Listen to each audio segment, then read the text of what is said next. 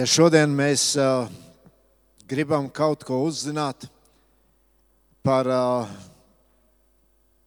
kādu cilvēku, tad uh, tā dziļāk viņā ieskatīties nemaz nav tik viegli. Un mēs jau dzīvojam laikā, kad tik populāri ir veidot kādas PR kampaņas, kur cilvēks tiek parādīts kā tas labākais, kā tas ideālais, kā tas stiprais, kā tas, kuram nav nekāda problēma dzīvē. Un uh, bieži vien, kad mēs uz to visu skatāmies, mums liekas, nu, jā, nu kas tad tā nekaita cilvēkam dzīvot? Bet, kad mēs lasām Dieva vārdu, tad paldies Dievam, Dievs ir parūpējies, ka to lasot un skatoties uz cilvēku dzīvēm, mēs ieraugam šos piemērus, ka cilvēks savā dzīvē vienmēr arī nejūtas īpaši labi. Un mēs ieraugam, kā viņš cīnās. Un tad mēs no šī piemēra varam mācīties, jo ar daudzām līdzīgām lietām jau mēs arī savā dzīvēm sastopamies. Un, uh, mēs šodien lasījām par apakstuli Pāvilu. Cilvēks, kurš, uh, ja mēs lasām Bībeli, mums ir diezgan pazīstams. Un mēs varbūt bieži vien esam pieraduši par viņu domāt kā stipru cilvēku, kurš nekad nepadodas, kuram visi šķēršļi ir pārvarāmi, par drosmīgu cilvēku. Bet šajā reizē mēs, es gribu ar jums kopā palūkot uz Pāvilu mazliet dziļāk.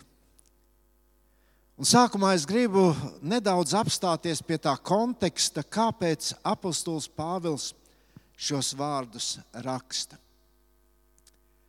Korintas draudzene apustulim Pāvilam bija īpaša draudzene.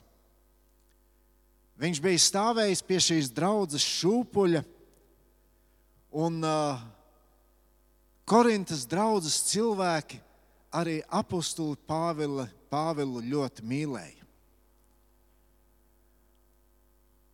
Un kā jau tajā laikā tas bija ierasts, arī šajā pilsētā ieradās citi sludinātāji, un tur ieradās arī dažādi maldu mācītāji,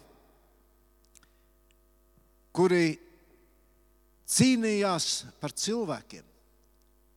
Un kādu no viņiem cīnījās arī, lai kaut kādā veidā ietekmētu kristiešus, lai ietekmētu draugus.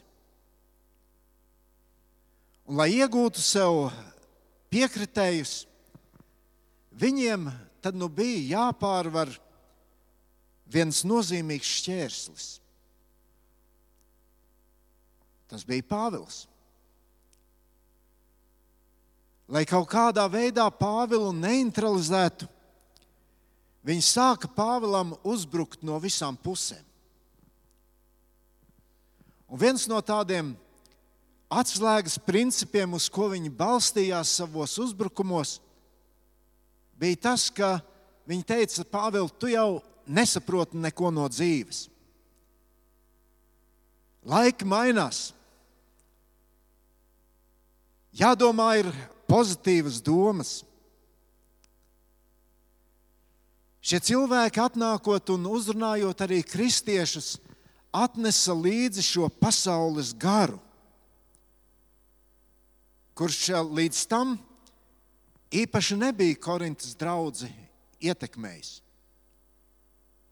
Un tad jau mēs redzam, ka Korintas draudzē arī cilvēki sāk izteikt dažādus spriedumus. Un tur pirmajā vēstulē korintiešiem, trešajā nodaļā mēs lasām, ka draudzē jau rodas kādi strīdi. Kur viens saka, es turos pie Pāvila, cits teica, es turos pie Apola Vēl kāds teica, es turos pie kēfas. Un liekas, nu, šie nosauktie cilvēki jau nerunāja neko nepareizi. Viņi bija dieva vīri, kuri sludināja patiesību. Bet mēs redzam, ka kaut kas no tās vienotības, kas bija pirmajā draudzē, kaut kas sāka zust.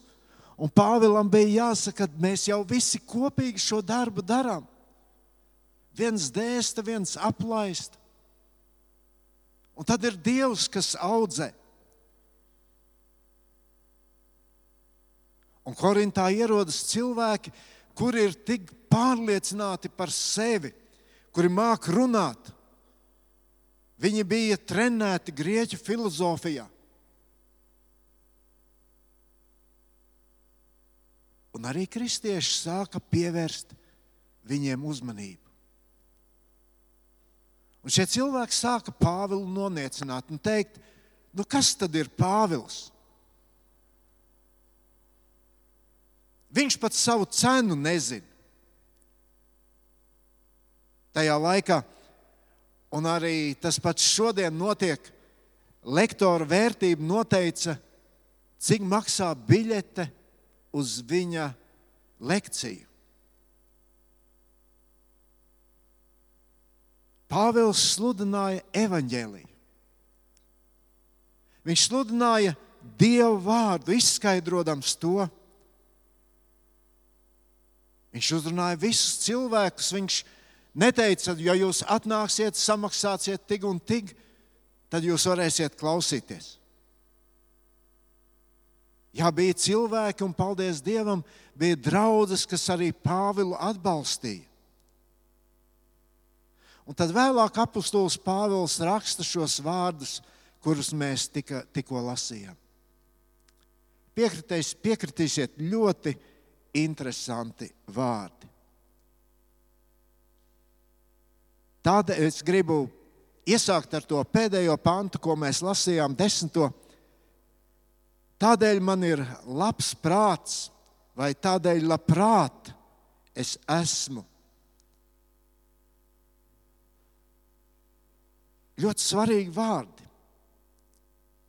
Šie vārdi liecina, ka neskatoties uz visu to, ko Pāvēlam ir jāpiedzīvo, viņā ir miers, viņā ir pārliecība.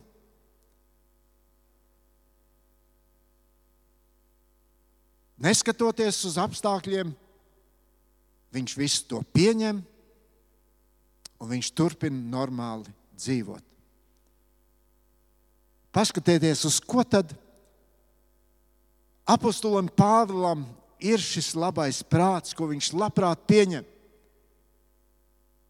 Nespējā, pazemojumos, trūkumā, vajāšanās un spaidos Kristus dēļ. Pilnīgi kaut kas pretējs nekā mēs cilvēki esam pieraduši domāt. Bet interesants ir šis Pāvila secinājums. Viņš saka, vienmēr,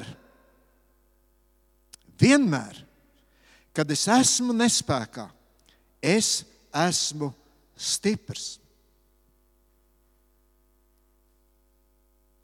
Mīļie draugi, kad tev ir šis labais prāts?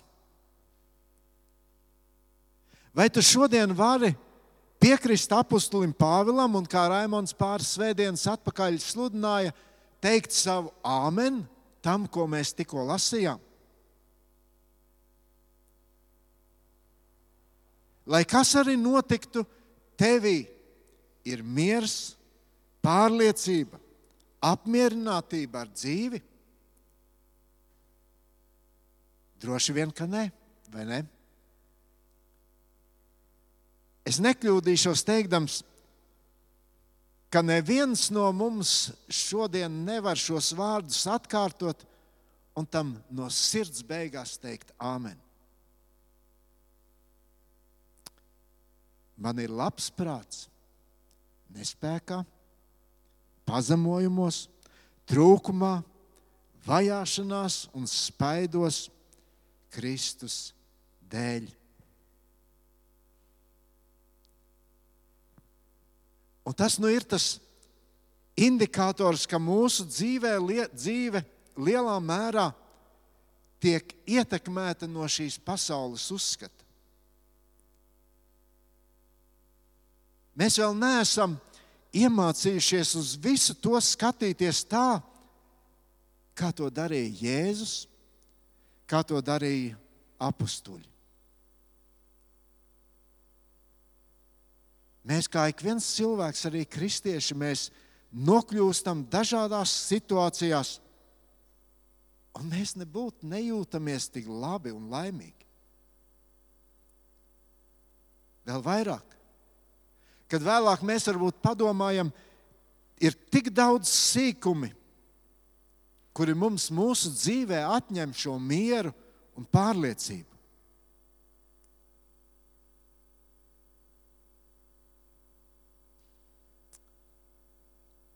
Šajā desmitajā pantā ir viens ļoti svarīgs vārdiņš. Un tas ir vārdiņš, ar ko šis pants iesākas. Tas ir vārds tādēļ. Tādēļ. Pāvils saka, ka tas viņa dzīvē nenotiek tāpat vien. Un viņa dzīvē nav tā, ka viņš no rīta pieceļas un jūtas, varbūt iestāsta sev to, nu, man ir šodien labs prāts.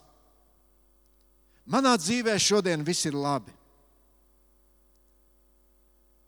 Ziniet, īstenībā apakstulu Pāvilu tā justies iemācīja Dievs. Un tāpēc es šodien gribu paskatīties uz vairākām lietām, ko mēs redzam pirms šī vārda tādēļ. Varbūt tas arī mums var palīdzēt mūsu vājības, mūsu nespēku, mūsu pazemojumus, mūsu trūkumu vajāšanas un spaidus Kristus dēļ ieraudzīt kā īpašu Dieva svētību. Un tā pirmā lieta, ko šeit apustulis Pāvils uzsver, grūtības māca pazemību. Šie pārbaudījumi dzīvē māca cilvēkam pazemību. Ievērojiet, Pāvils nesaka, ka grūtumi, vājības, varbūt daudzas citas lietas, kuras viņš šeit uzskata, ka tas priekš viņa ir kaut kas patīkams. Bet Pāvils saka, šīs lietas mani, manā dzīvē mani iespaido ļoti svarīgā virzienā. Tās man māca pazemību. Tādēļ, lai es nepaukstinātos, man ir dots dzelonis miesā, sātana eņģelis. Tas mani sit, lai es pārlieku nepaukstinātos. Ievērojiet, šajā teikumā, ko apustulis Pāvils pasaka, divas reizes viņš uzsver, lai es nepaukstinātos, lai es pārlieku nepaukstinātos. Šis teikums iesākas ar šo frāzi un nobeidzas ar šo frāzi.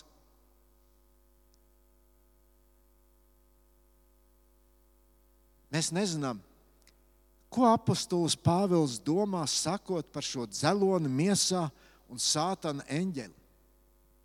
Ir vairāki uzskati ko Pāvils varētu ar to domāt. Un viens no tādiem ir, ka Pāvilam bija kāda fiziska problēma, kāda fiziska kaita.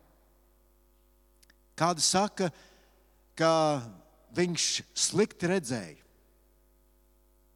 Kāda saka, ka viņš runājot stostījās. Un droši vien arī tāpēc, Par apakstuli Pāvils saka, ka viņš ir spēcīgs rakstot vēstules, bet ne runāšanā. Bet nu, tie ir tikai tādi minējumi. Vēl kāda domā, ka Pāvils šeit runā par cilvēkiem, kuri visu laiku viņam traucēja kalpošanā. Viņa pretinieki, maldu mācītāji.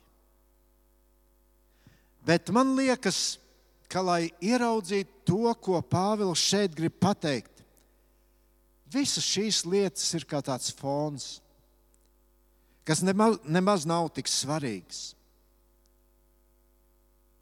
Svarīgi ir ieraudzīt to, ka Dievs pieļauj, ka Sātana eņģelis Pāvēlam uzbruk. Atcerieties, mēs kaut ko līdzīgu redzam arī vecajā derībā. Mēs redzam to pie Ījeba. Dievs pieļāva. Viņš pazaudēja visu. Viņa lielais ganāmpulks aiziet bojā. Viņa bērni aiziet bojā. Tad vēl šī briesmīgā slimība pie viņa paša. To visu izdarīja šis sātana eņģelis. Bet Dievs pieļāva to līdz kādai robežai. Viņš ļāva to darīt līdz kādai robežai gan Ījaba, gan Pāvila dzīvē, padarīt viņu dzīvi grūtu. Un te Pāvils raksta, Dievs to dara ar mērķi. Kādu? Lai es nepaukstinātos. Kāpēc Dievs tā dara? Kāpēc Dievs lieto sātana spēku pret kristieti? Kāpēc Viņš lieto šo spēku pret saviem bērniem? Kāpēc Dievs tā dara, ja viņš zina, ka viņa bērniem sāpēs?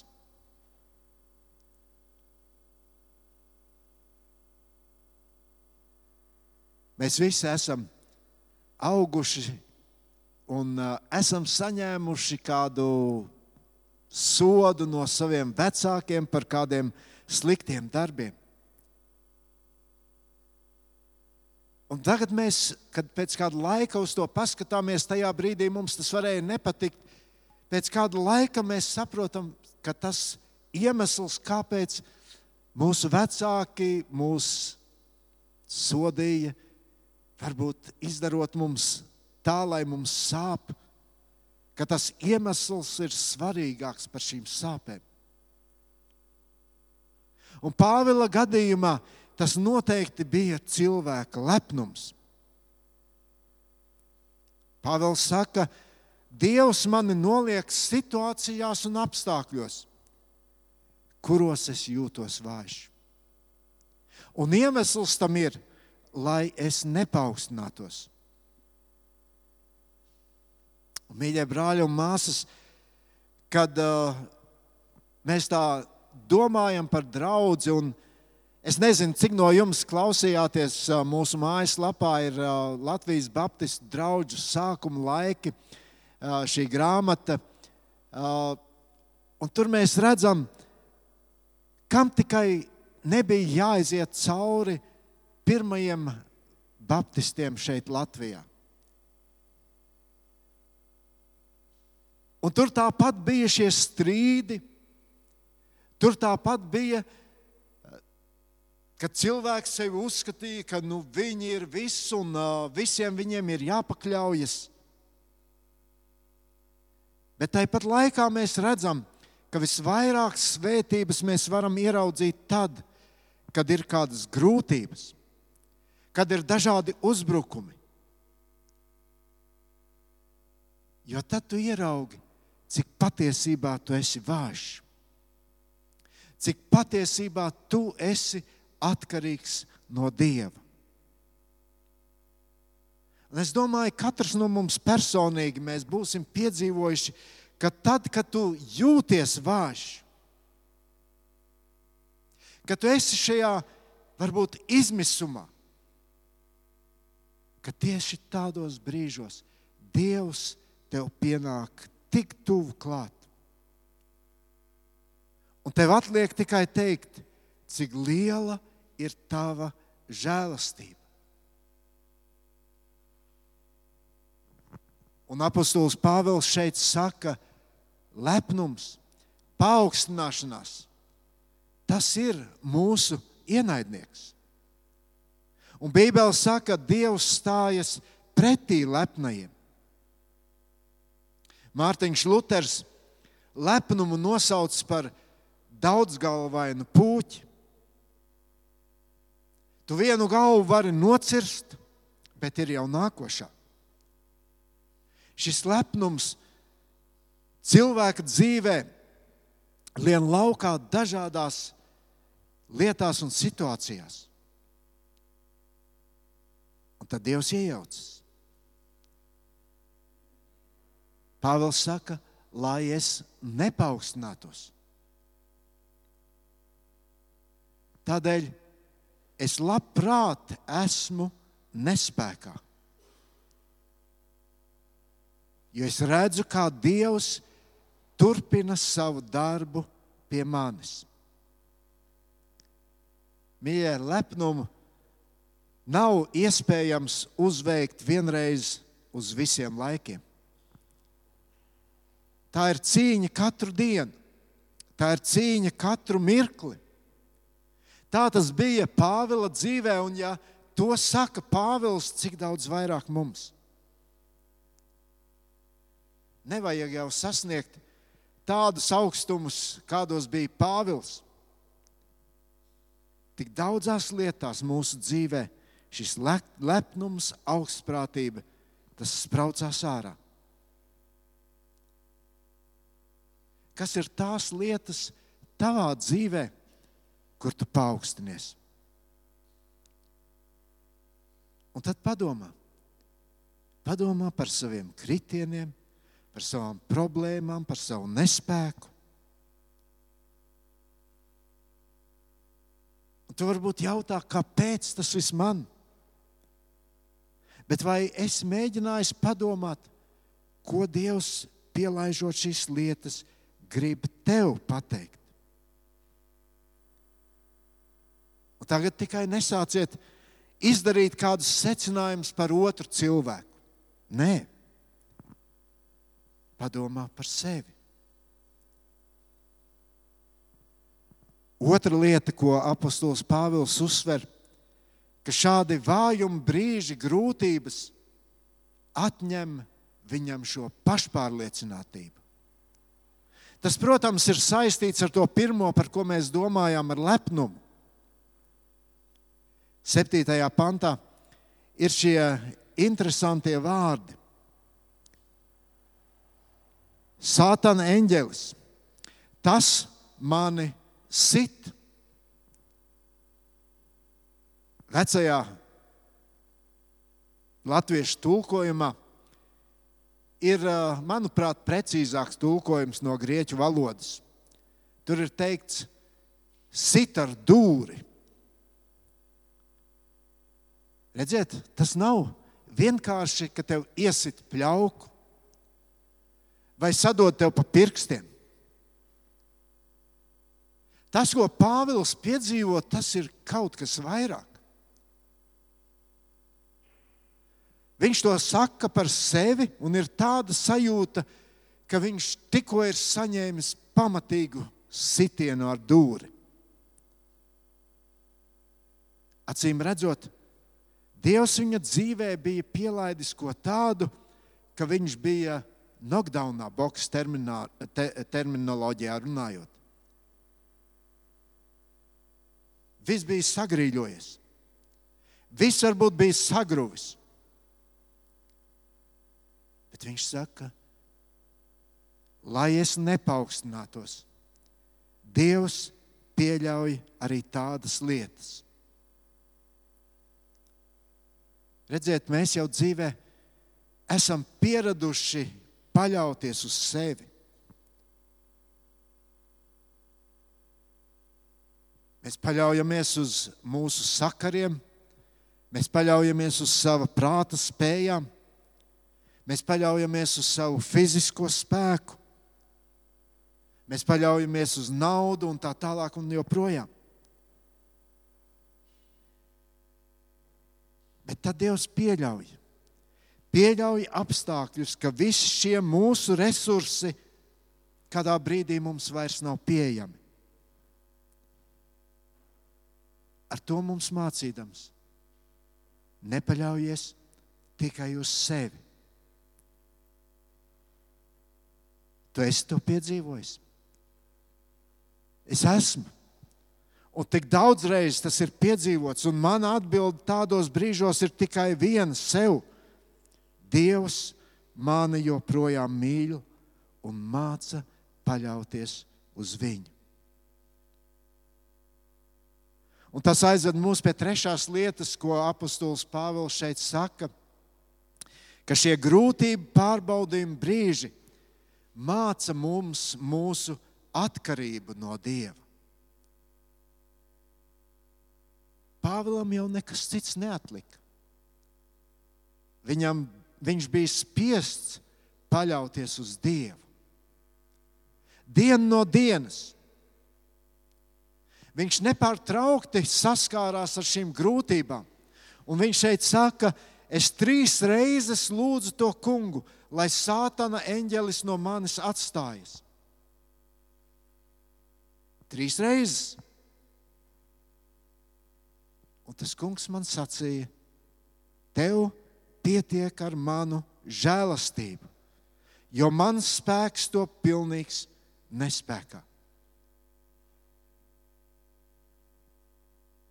Un mēs redzam, ka Pāvils uzsver, tā ir milzīga svētība saprast, ka tu esi savā dzīvē pilnīgi atkarīgs no Dieva.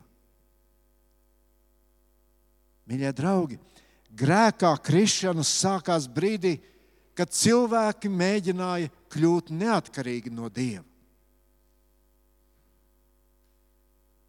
Un Dievs dara mūsu dzīvēs visu iespējamo, lai mūs atgrieztu atpakaļ tajā sākuma punktā. Kādā reizē cilvēki bija attiecībās ar Dievu.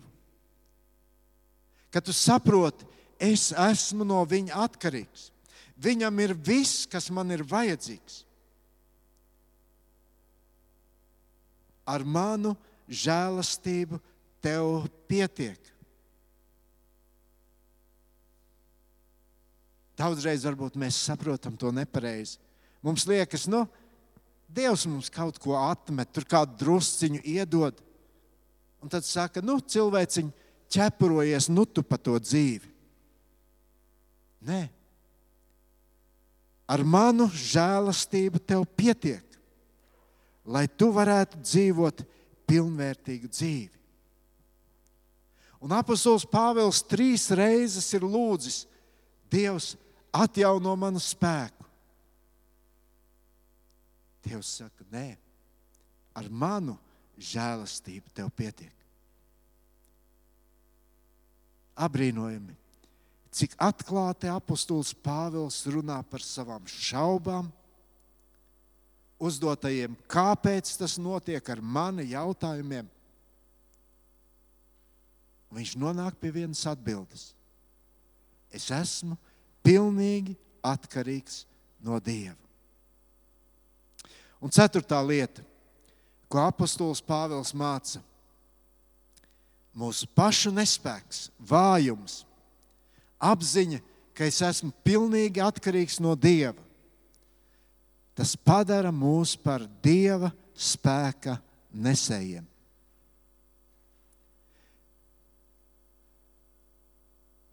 Devītajā pantā viņš saka, tādēļ es vislabprātāk lielīšos ar savu vājumu, lai Kristus spēks varētu manī iemājot. Pāvils nonāk pie secinājuma. Es pats neko nespēju. Un viņš nopietni uztver, ka Dieva spēks tikai viņa paša nespējā varens parādās. To saka Dieva vārds. Un tāpēc jautājums, vai tu šodien esi gatavs atzīt savu nespēku? Kamēr tas nenotiks, Dievs skaidri saka, mans spēks nevar caur tevi darboties. Paskatieties uz apakstu Pāvilu, uz viņa dzīvi, uz to, kāds viņš bija pirms sastapšanās ar Kristu un pēc. Viņš to ļoti labi apraksta vēstulē Filipiešiem, 3. nodaļā. Un tur no 4. panta mēs lasām, viņš saka, lai gan es varētu arī uzticēties miesai. Ja kāds cits domā uzticēties miesai, es to varētu vēl vairāk. Un tad viņš uzskaita šīs lietas.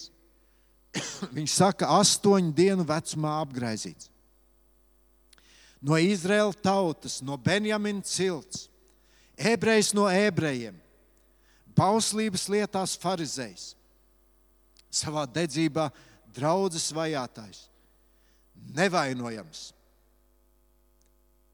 Cik pašpārliecināts un lepns cilvēks. Bet tad, kad viņš sastopas Kristu uz Damaskas ceļa, Atcerieties, viņš kļūst akls. Un Dievs viņu nostāda situācijā, kad tu neko vairs nespēji. Un paklausieties, ko viņš raksta pēc tam. Tajā pašā trešajā nodaļā vēstulē Filipiešiem. Kas man bija ieguvums? To es Kristus dēļ esmu uzskatījis par zaudējumu. Bet arī tagad es visu to uzskatu par zaudējumu, salīdzinot ar mana kunga Kristus Jēzus atziņas nesalīdzināmo pārākumu, kura dēļ es visu to esmu zaudējis un uzskatu to par mēsliem, lai Kristu iegūtu un atrastos viņā. Kas par vārdiem? Kas par spēku? Un to pašu mēs redzam arī pie apakstoļa Pētera. Dievs pieļauj, ka viņš nonāk savas dzīves zemākajā punktā. Viņš aizliedz, aizliedz to, ko viņš pirms mirkļa bija apliecinājis.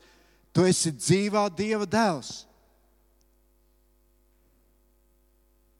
Un viņš ir pilnīgi sagrauts. Viņš aiziet zvejot, un tad nāk Jēzus. Un saka šim cilvēkam, gani manas avis.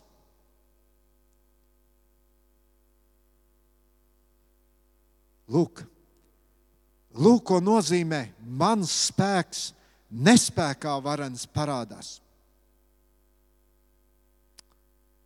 Tad, kad Dievs darbojas, Viņš to var darīt tikai caur cilvēkiem, kuri noliek savu spēku malā.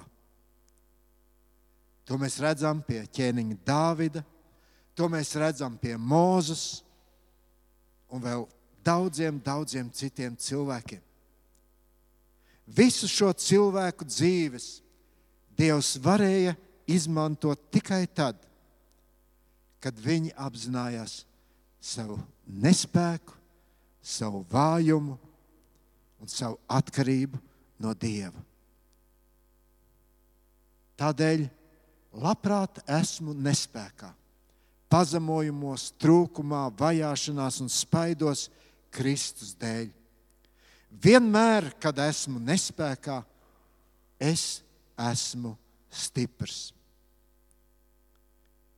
Cik pārliecināts cilvēks par to? ka Dievs visu zina. Dievs par visu valda, Dievs visu nosaka. Cik stiprs cilvēks, kurš pazīst īsto Dieva žēlastības spēku.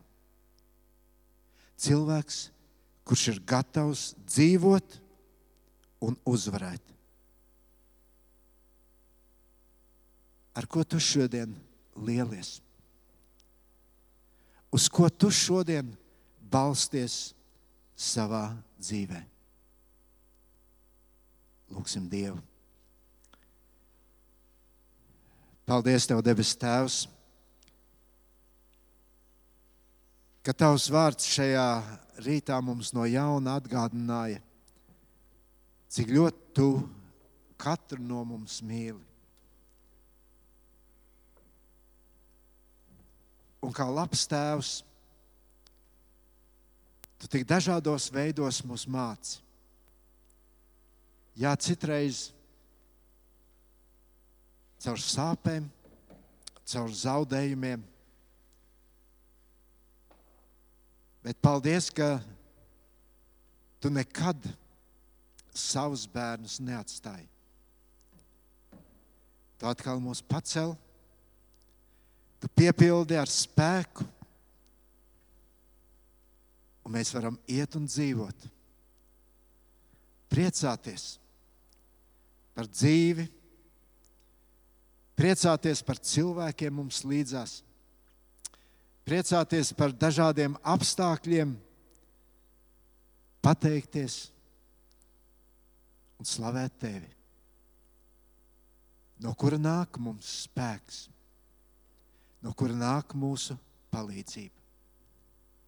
Un šajā rītā mēs, kungs, arī par to gribam te pateikties, ka varam pazīt tevi kā lielu varanu dievu, mīlošu tēvu, kurš ir ieinteresēts katra mūsu dzīvē, un kurš nevienam no mums neļauj aiziet bojā, atkal no jauna parādot savu žēlastību. Amen.